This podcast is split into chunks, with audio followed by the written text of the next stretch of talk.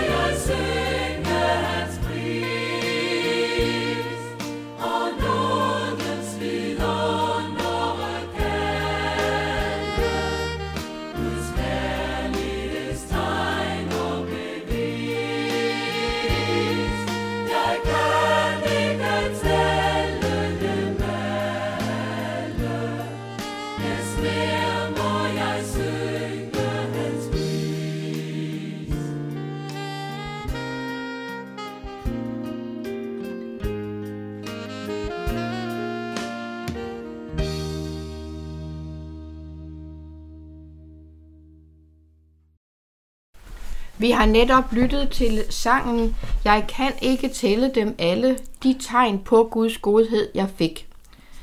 Vi vil nu øh, have 6. afsnit af Ruth Johansens livshistorie. Ruth hun er 92 år, hun bor i København i Nordvestkvarteret.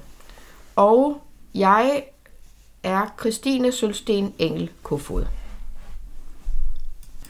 Ruth, du fortalte sidst, at I købte 100 kyllinger øh, hvert år, som I så havde øh, på børnehjemmet. Og det var jo lidt interessant, at det var det samme antal, I købte derhjemme i Jørlunde i dit barndomshjem. Men så vil jeg gerne høre æggene. Hvad brugte I dem til? Jo, en, en gang om ugen, eller ej, ikke fast, men altså som regel, det var jo ikke kun grøntsager og ris, at børnene fik til middagsmad øh, mest fisk, men også en gang imellem fik de, øh, kan man sige, en æggekage. Altså, der blev bagt nogle store æggekager, og så blev det øh, delt ud, lidt ud til hver enkelt barn, når de så fik øh, noget forskellige grøntsager på risen, og så lidt æg, fordi der er jo god næring i æg. Til nye lyttere, så skal vi altså lige gøre opmærksom på, at når vi siger, øh, taler om de her børn, så er det børnene, som Ruth hun var med til at passe på børnehjemmet i Surinam.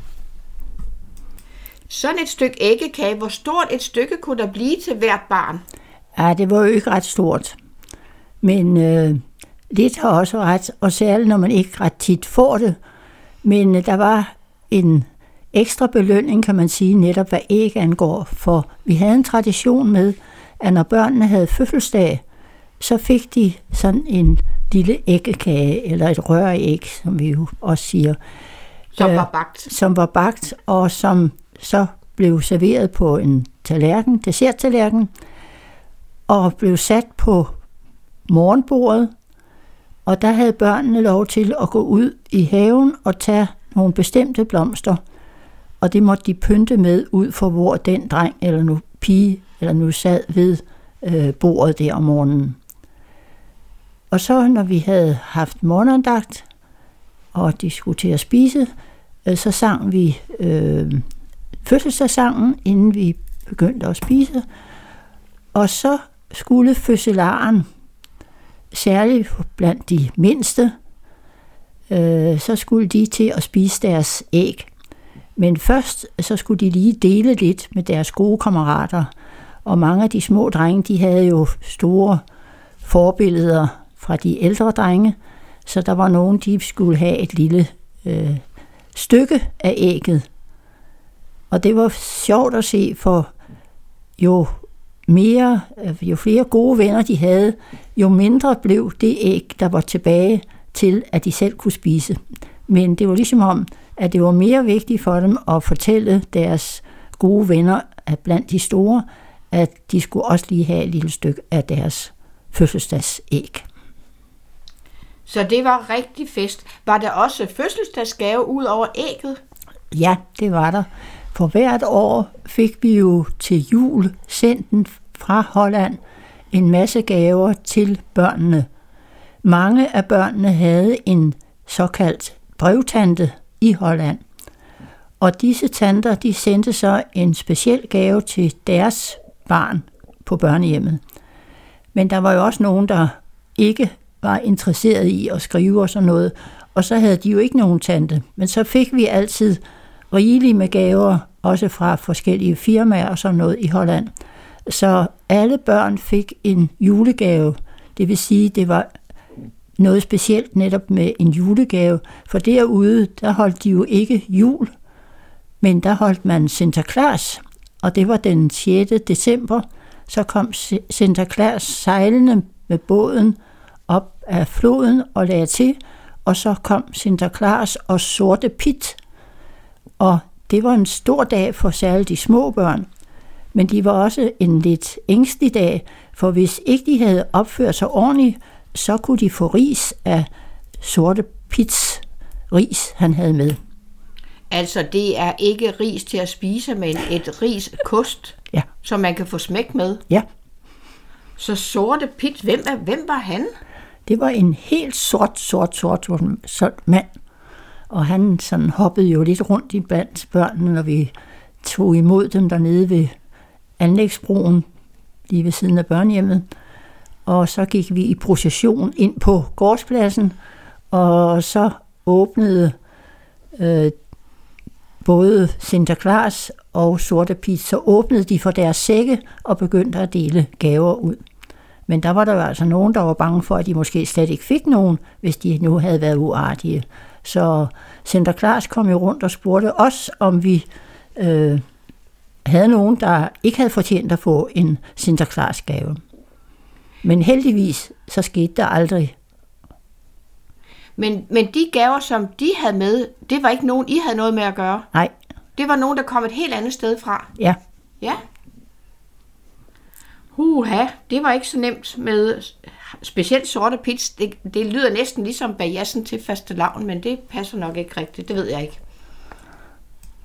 Så de julegaver, som I fik tilsendt, der var nogle gange, I gemte nogle af dem, og så brugte dem til fødselsdagsgave til dem, der ikke havde nogen brevtante. Ja, og derved var der jo altid en fødselsdagsgave, og det var noget specielt, for i Suriname, der gav man ikke fødselsdagsgaver. Det var kun vores børn, der fik det, fordi de fik de her gaver fra Holland.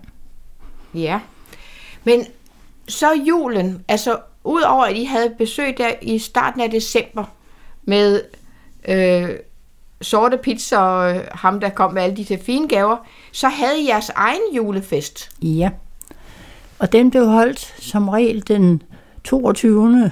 eller 23. december. Og den begyndte øh, med, at vi samledes i kirken, og så bagefter, så gik vi hjem og fik øh, mad som sædvanligt, men alligevel lidt mere festligt, øh, end hvis det var en almindelig hverdag. Og så gik vi ellers ind i vores største samlingsstue, det var i pigehjemmet, og der var juletræet pyntet. Træet var jo et træ, der var skåret af ude i haven. Det var ikke et øh, juletræ, som vi kender det her i Danmark, men det var en, et fyrtræ, som vi så havde. Og de sidste år, mange år, der havde vi så et øh, evighedstræ, kan man sige. Altså et øh, elektrisk... Et plastik? Et plastik, sådan var det. Ja. Og så samledes vi der øh, i pigernes samlingsstue og sad rundt om. Vi var jo så mange. Der var altid nogle af de gamle børn, der gerne ville være med til julefesten. Så det beregnede vi altid, at der ville nok komme en 6-8 stykker fra byen og være med af de større gamle børn. Og det var så både drenge og piger, der var i, i piges ja. pigerum? Ja, alle var samlet. Ja. Og så sad vi rundt om træet og sang forskellige sange, julesange, og så blev juleevangeliet læst. Og så skulle vi til at dele gaver ud, og der var jo en masse gaver der under træet. Og så havde vi den øh, tradition, at ingen begyndte at åbne pakken, før alle pakker var delt ud. Før alle sad med en pakke. Og når så den sidste pakke var delt ud, så begyndte de at åbne. Og så blev der en snak uden lige. Og se her, og se her, og se, og se. Nej, se hvad jeg har fået. Det var øh, en fantastisk festigt aften. Ja, så det betød, at der sad ikke nogen, noget barn uden en gave. Alle fik. Ja. Ja. Men så var der en gang, hvor I havde en helt speciel juleaften, julesamling. Ja. Det var sådan, at det var økonomien var øh, ikke god i Suriname, og øh, jeg ved ikke, om der kom noget uoverensstemmelse mellem KLM, i, altså luftfartsselskabet fra Holland, men i hvert fald manglede Suriname pludselig nogle flyvere. Og så havde de fået en overenskomst med Mærsk Air i Danmark, at de skulle lege et Mærsk fly ud, øh, som de så kunne sende mellem Paramaribo i Suriname og Amsterdam Lufthavn. Mærsk Air havde forlangt, at hvis de ville skulle øh, låne et fly fra dem, så skulle det være danske piloter, der fløj det fly. Og det vil sige, at der kom en 3-4 øh, danske kaptajner ud og boede øh, nogenlunde fast i Suriname. Og i julen, dem der så havde vagt i julen, øh, de havde den overenskomst, at de skulle have deres familie ud og være sammen med dem, hvis ikke de kunne rejse hjem og holde jul sammen med familien. Så et år, der var, øh, mens jeg var derude, der var der besøg fra Danmark af cirka, 5, nej, cirka 15 øh, danske familiemedlemmer til to af de kaptajner, der havde øh, vagt i julen. Og disse mennesker, de... Øh, det vil sige, det var både voksne og børn? Ja. ja. Det var deres nærmeste familie. Mm.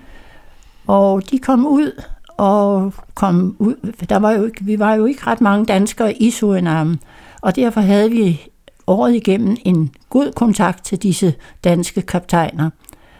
Og deres familie, så havde de selv på eget initiativ henvendt sig til Lego og fået en hel del Lego-klodser med ud.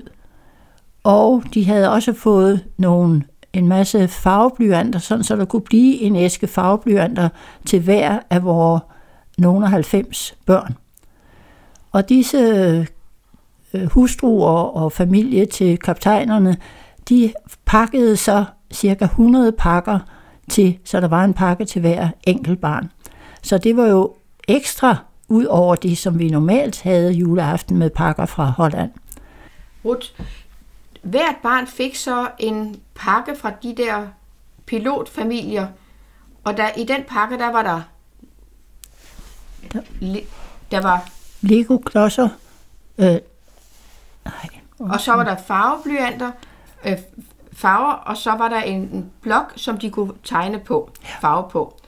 Men der var også en fælles gave til hele børnehjemmet. Ja, og det var to store kasser, øh, papkasser, fulde af almindelige Lego-klodser, som de bare kunne lege med samlet.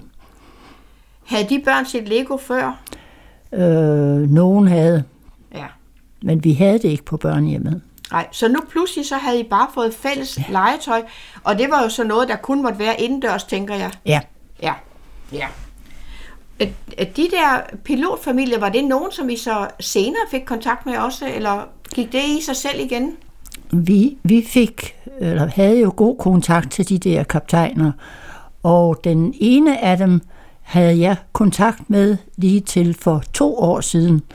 Jeg tror, han må være død nu, men altså hver eneste år i de her 32 år, jeg nu har været hjemme, der har jeg fået en julehilsen fra ham. Jeg synes, det var fantastisk, at han blev ved at holde ud, selvom vi jo slet ikke ellers så noget til hinanden, eller havde forbindelse med hinanden anden af, med en julehilsen. Fik du nogensinde besøgt ham herhjemme? Ja, det gjorde jeg for tilfældigvis. Så havde han, øh, jeg kan ikke huske hvor mange år efter de kom hjem, der havde han købt et hus, der lå bare øh, 500 meter fra, hvor min mor boede. Altså i I, Slangerup? ja, Ja, og noget sted i Danmark, så købte han hus i Slangerup. ja, Jamen det er da så ringen er sluttet. Det kan da ikke være bedre. nej. Du nævnte, at I startede jeres julefest i kirken. Havde I en præst øh, tilmeldt stedet? Ja, det var jo vores egen kirke. Kirke og børnehjem øh, hørte sammen. Det var en rigtig kirke. Og der var gudstjeneste hver eneste søndag kl. 10. Og øh, i mange år var det en dansk evangelist, der var derude og var præst. Øh, senere blev det så en af de surinamske evangelister, der kom og holdt øh, gudstjeneste. Og nu de senere år, der var det så lederen af børnehjemmet, der også var evangelist uddannet, der holdt gudstjeneste. Så I havde simpelthen jeres helt egen kirke. Ja, og selvfølgelig var folk fra nabolaget øh, velkommen i kirken, og de kom altid, når vi inviterede øh, for eksempel til julesammenkomst eller øh, anden, altså når vi havde elevstævne, så var der også gudstjeneste, og der var byens befolkning også inviteret til at være med. Og der kom øh, forskellige, men det var jo mest øh, hinduer eller muslimer, der boede rundt om os. Der var ingen. Vi havde kun to kristne familier, der havde børn hos os. Ja, så det var rigtig øh, internationalt. Ja. Når I så havde holdt den julefest, hvad skete der så? Blev alle børnene på børnehjemmet også i julen, eller hvordan var det? Alle dem, der havde forældre eller havde en mor, der havde mulighed for at tage børnene hjem, at de kom hjem. Og der var vi ude for det mærkelige, at nogle af børnene simpelthen spurgte, om ikke de godt måtte blive hos os, og ikke skulle hjem, fordi de kunne ikke komme hjem til deres egen mor, men de kunne komme hjem til noget familie. Og det var der altså flere af dem, der hellere ville blive på børnehjemmet. Fordi der vidste de jo, at de fik deres mad, og de fik, øh, ja, der blev passet på dem, og, og dagen gik som sædvanligt. Hvorimod, når de kom hjem, så var det jo mange gange, hvis det var noget familie, der skulle tage sig af dem, øh, så skulle børnene næsten øh, sørge for familien. Og derfor ville de hellere blive hos os, hvor de vidste, at der blev sørget for dem. Altså du mener, at pigerne skulle lave mad til den familie, de var hos, Ja, og de kunne ikke være helt sikre på at få mad. nej. Og hvad med et sted at sove? Det var som regel på gulvet. Det var det jo også hos os på børnehjemmet, men de havde nogle motter, nogle små motter, de lå på. Øh, de store lå i køjesenge, men de mindste lå på gulvet. Og det var jo fint. Ja, Og så var de også øh, beskyttet mod myggene det var de. på deres sovesale. Ja. Ja, ja så I, øh, hvor mange kunne I så være re- hele julen? Hvem skulle tage sig af de børn, der blev tilbage, og hvor mange var det? Selvfølgelig vores indfødte medarbejdere, de havde så vidt muligt fri i julen. Men øh, vi havde jo ikke nogen steder at tage hen, Så derfor var vi, og vi ville gerne være sammen med børnene jo i julen. Så fik de lidt ekstra opmærksomhed. Ja, Men de skulle jo så st- stadigvæk hjælpe på sædvanlig vis med at lave mad og Ja. alle de der ting. men det var de jo vant til. Ja. Men det gør man jo også i et almindeligt dansk hjem, så. Ja. det er jo fint nok. Øh, hvor lang juleferie var der? Hvor lang tid var skolen lukket? Jeg tror kun lige til et par, par dage efter 1. januar. Så var de tilbage igen. Ja. ja. Havde I andre ferie end juleferie og sommerferie? Nej, Nej. Men hvordan hvordan med sommerferien? Måtte de også øh, være der i sommerferien? øh, nej, de skulle, det var særligt sommerferien, det var galt med, at de skulle gerne hjem, for vi synes, det var en skam, hvis de slet ikke kom væk fra børnehjemmet. Og der var der altså alligevel enkelte, som ikke havde nogen forældre, eller ikke havde noget familie, som de kunne være hos. Så prøvede vi øh, med nogle af fra menigheden, altså af deres øh, landsmænd fra menigheden, om de kunne have børnene måske bare en uge. Men i det store hele, så var der øh, lukket i september måned. Og det var hele september. Ja, Ja. Så I skulle jo også have noget ferie selv. I kunne jo ikke bare øh, køre igennem hele tiden. nej. Vi vil nu lytte til sangen Ingen er så tryg i fare. Ingen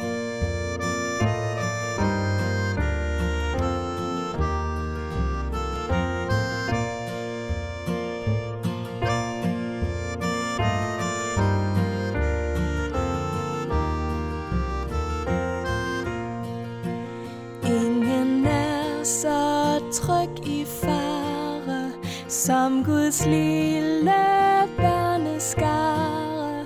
Fuglen ej i skjul bag løvet, stjernen ej højt over støvet. Herren selv på Sions bjerge, for sit folk er skjold og værre, vil sig over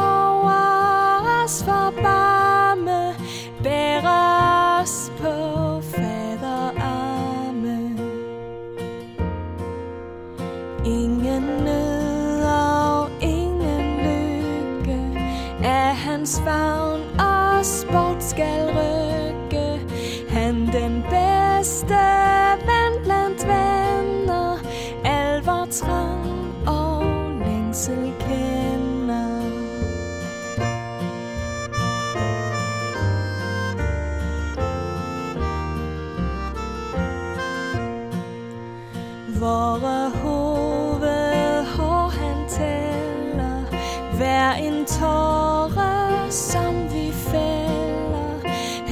os fødder og os glæder Midt i sorgen han os glæder. Om han tager, om han giver Samme fader han dog bliver. Og hans mor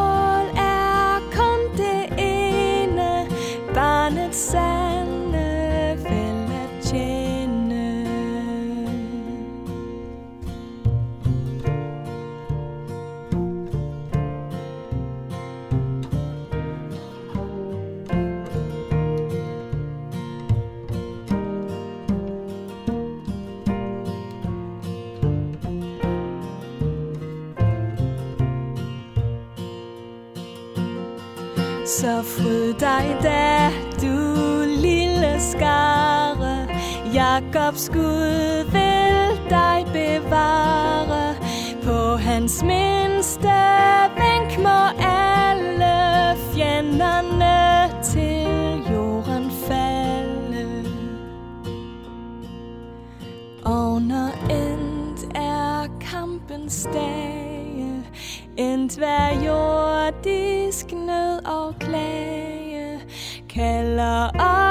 os vor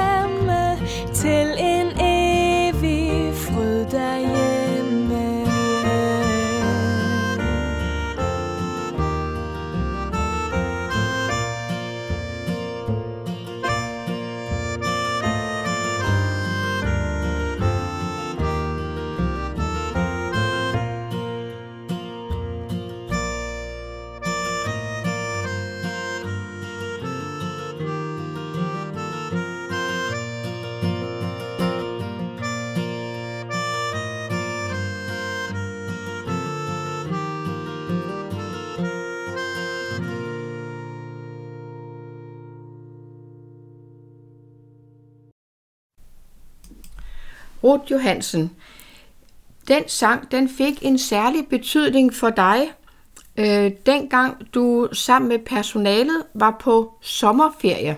Kunne du fortælle lidt om jeres sommerferietur?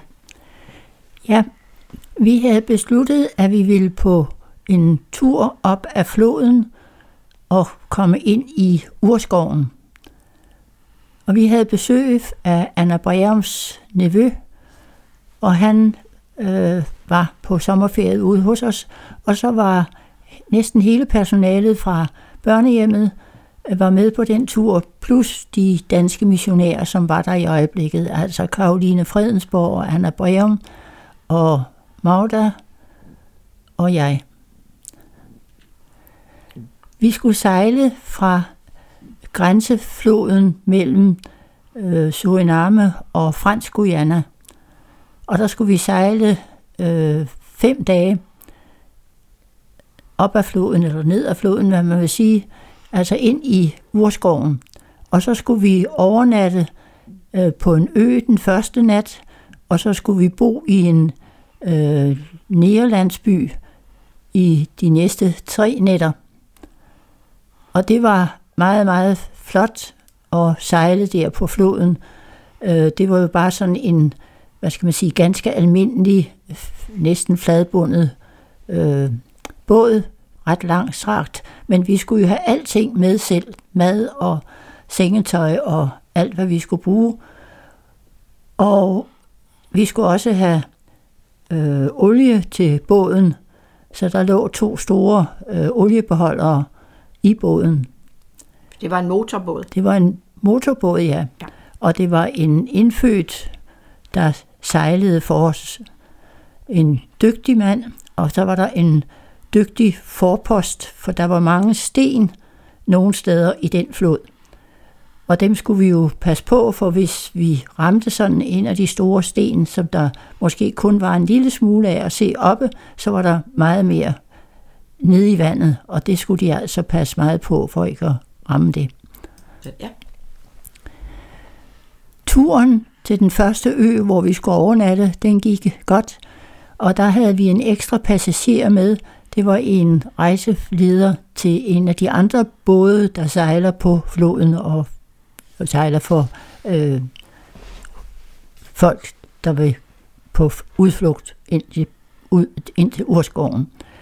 Og der var denne ene mand, han blev sat af her, for så skulle der komme en anden båd, der skulle en anden gren af floden opad, og så skulle vi bare sejle videre.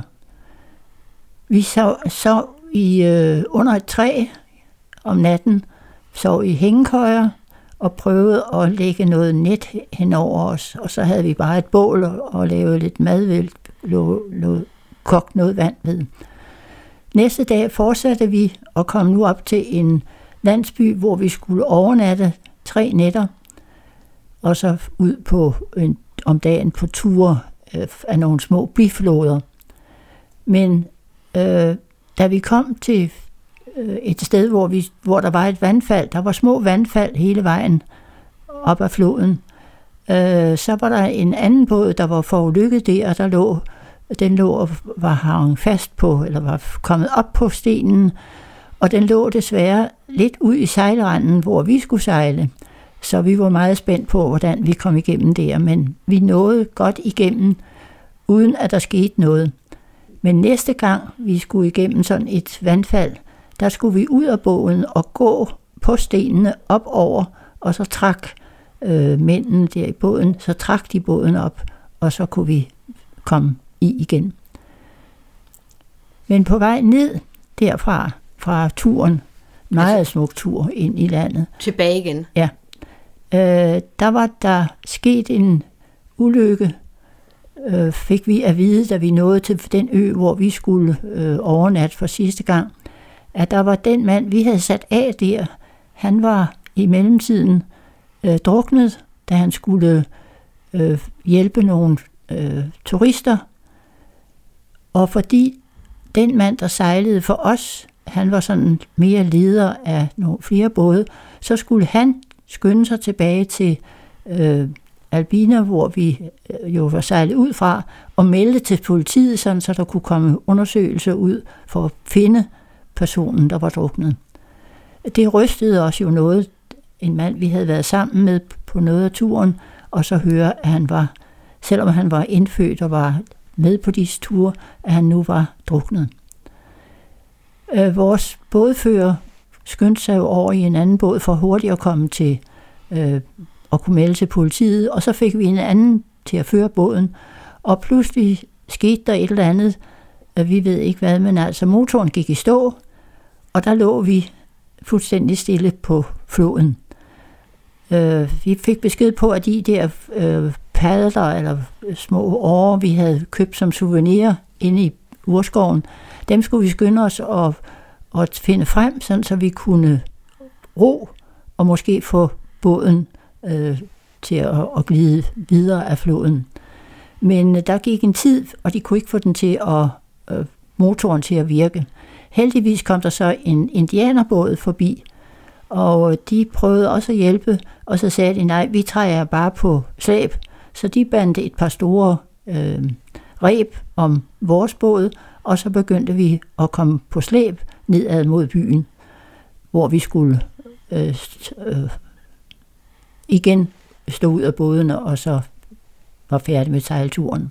Men det var ved at være aften, og derfor var vi meget nervøs for, om vi nåede at komme ned, inden det blev mørkt, for når det blev mørkt, så måtte de ikke sejle mere.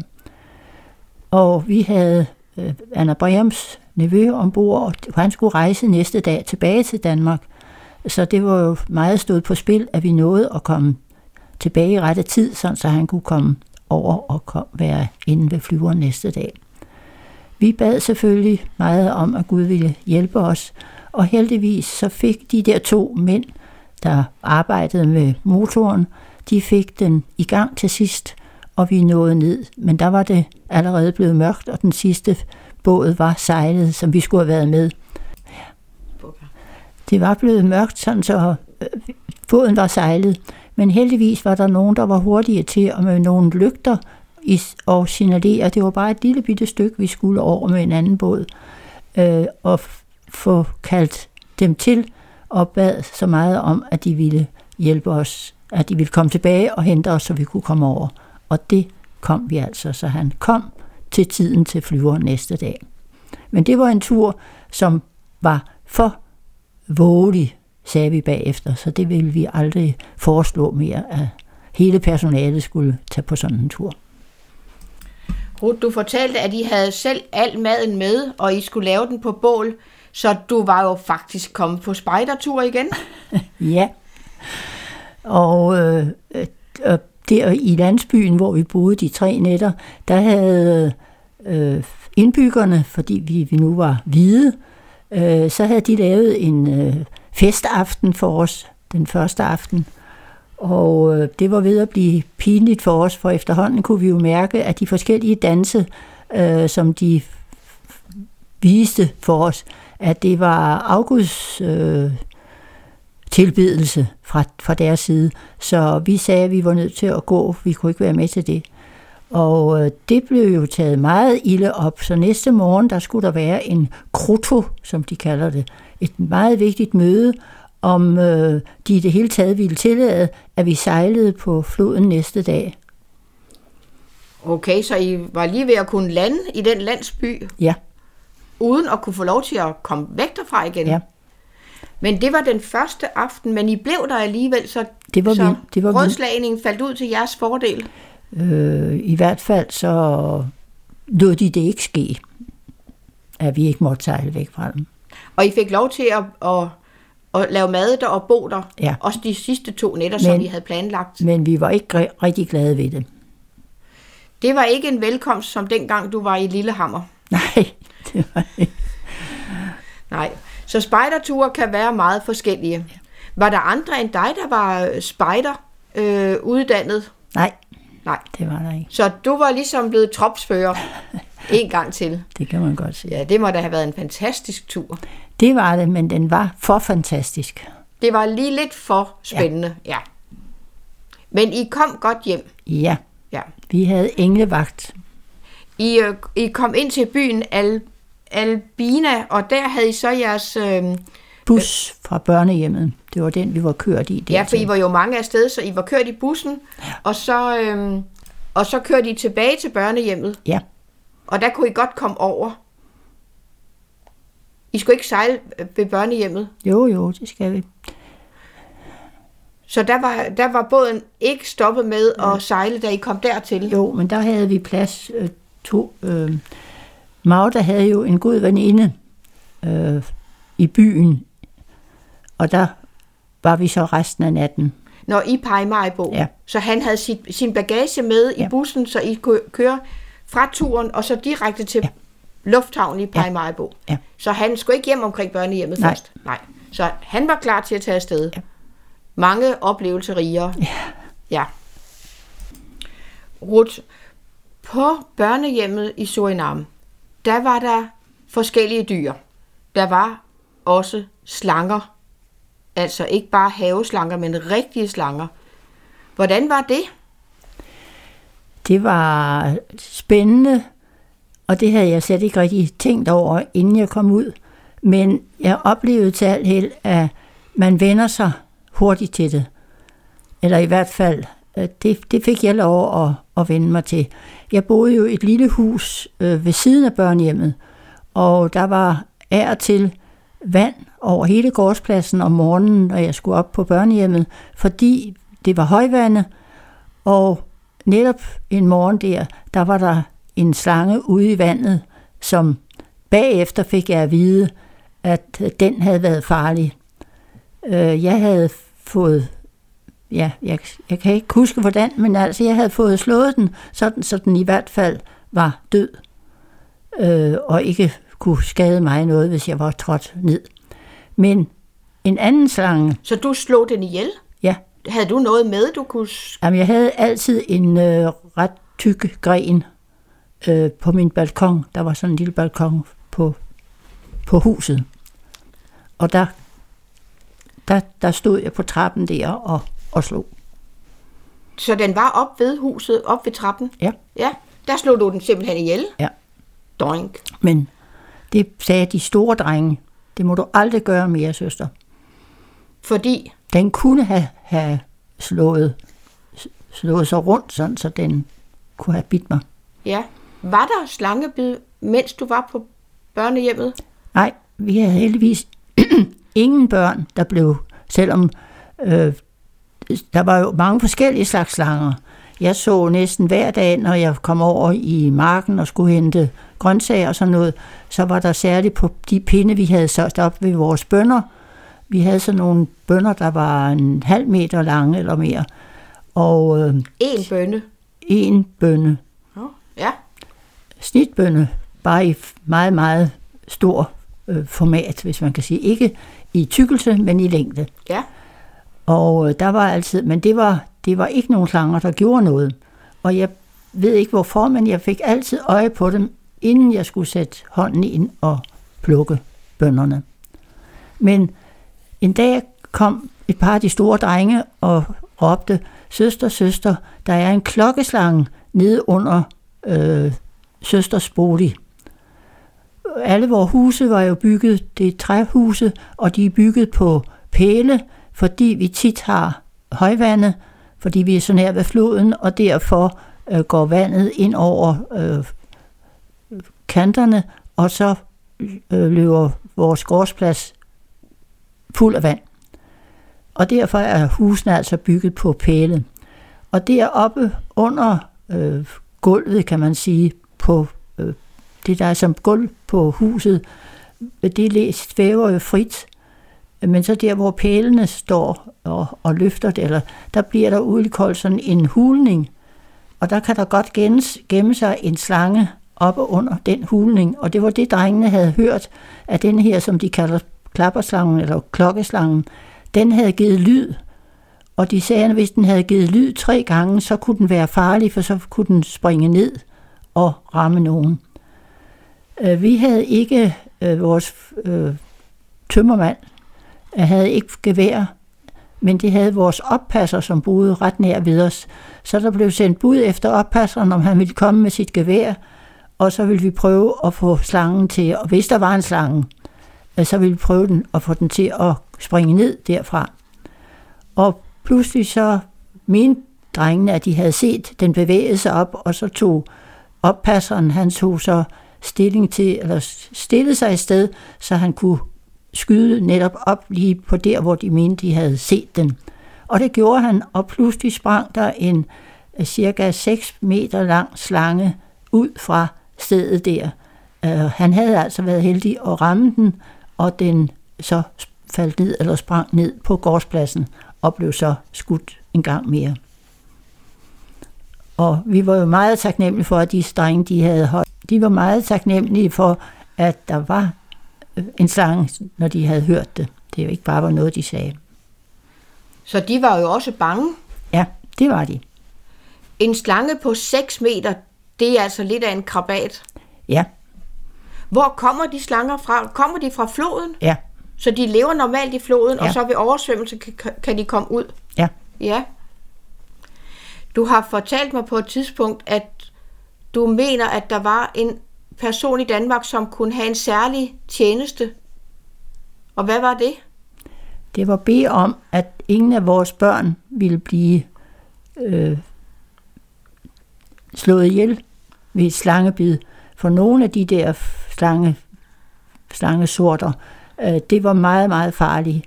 Der skulle modgift omgående, og det var næsten ikke til at få fat i, for når man boede uden for Parimaribo. Så det, der var vigtigt, det var forbøn for ja. hver eneste person på børnehjemmet, ja. om at der ikke skulle være nogen, der blev bidt. Ja. af slanger. Ja. Du var der i 18 år, og der var ikke et eneste slangebid. Nej, Så der var en trofast forbeder. det var der. Og vi har Gud, der hører bøn. Nogle gange, når du øhm, lå i din seng, så kunne du godt lide at ligge og læse i sengen, men på et tidspunkt har du fået en lille, ubehagelig gæst. Ja, jeg lå og læste, og så tænkte jeg, hvad er det, der, der bevæger sig?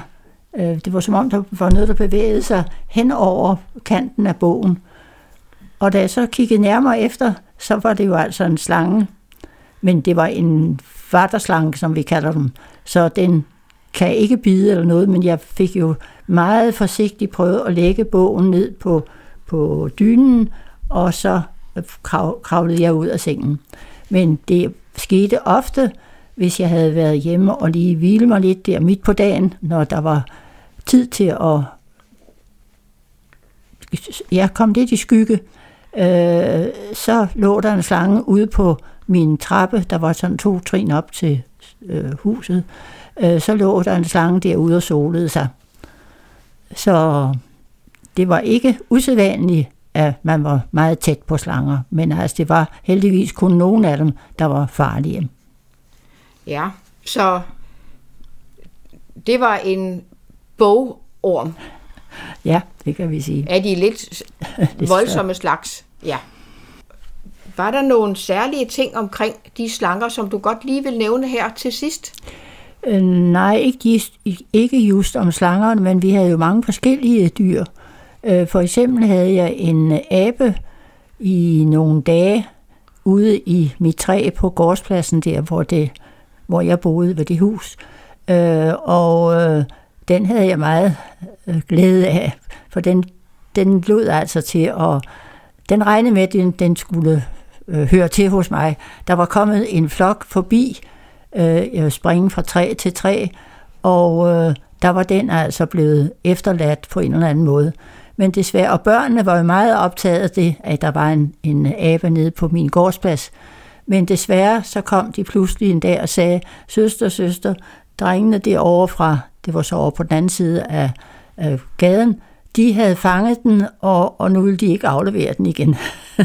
Så det var en kort fornøjelse. Det var en kort fornøjelse. Men altså, sådan var der mange forskellige dyr, og også øh, mange kønne dyr. Vi vil slutte 6. afsnit af Ruth Johansens livshistorie med sangen Sæt vagt omkring min tanke.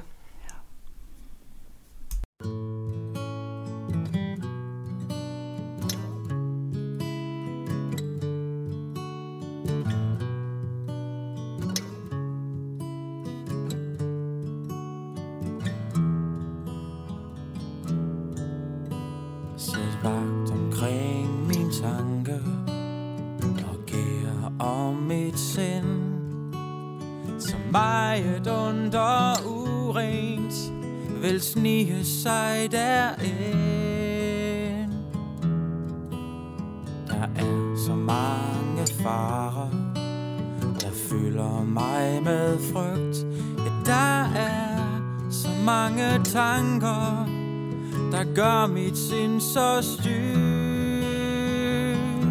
Og selv kan jeg ej værve mig mod det onde smart. Men vilje du er så dårligt til hver når vågen vagt. Men du som selv er renhed og alt det renes råd, sæt vagt omkring min tanke og fri fra fald min fod.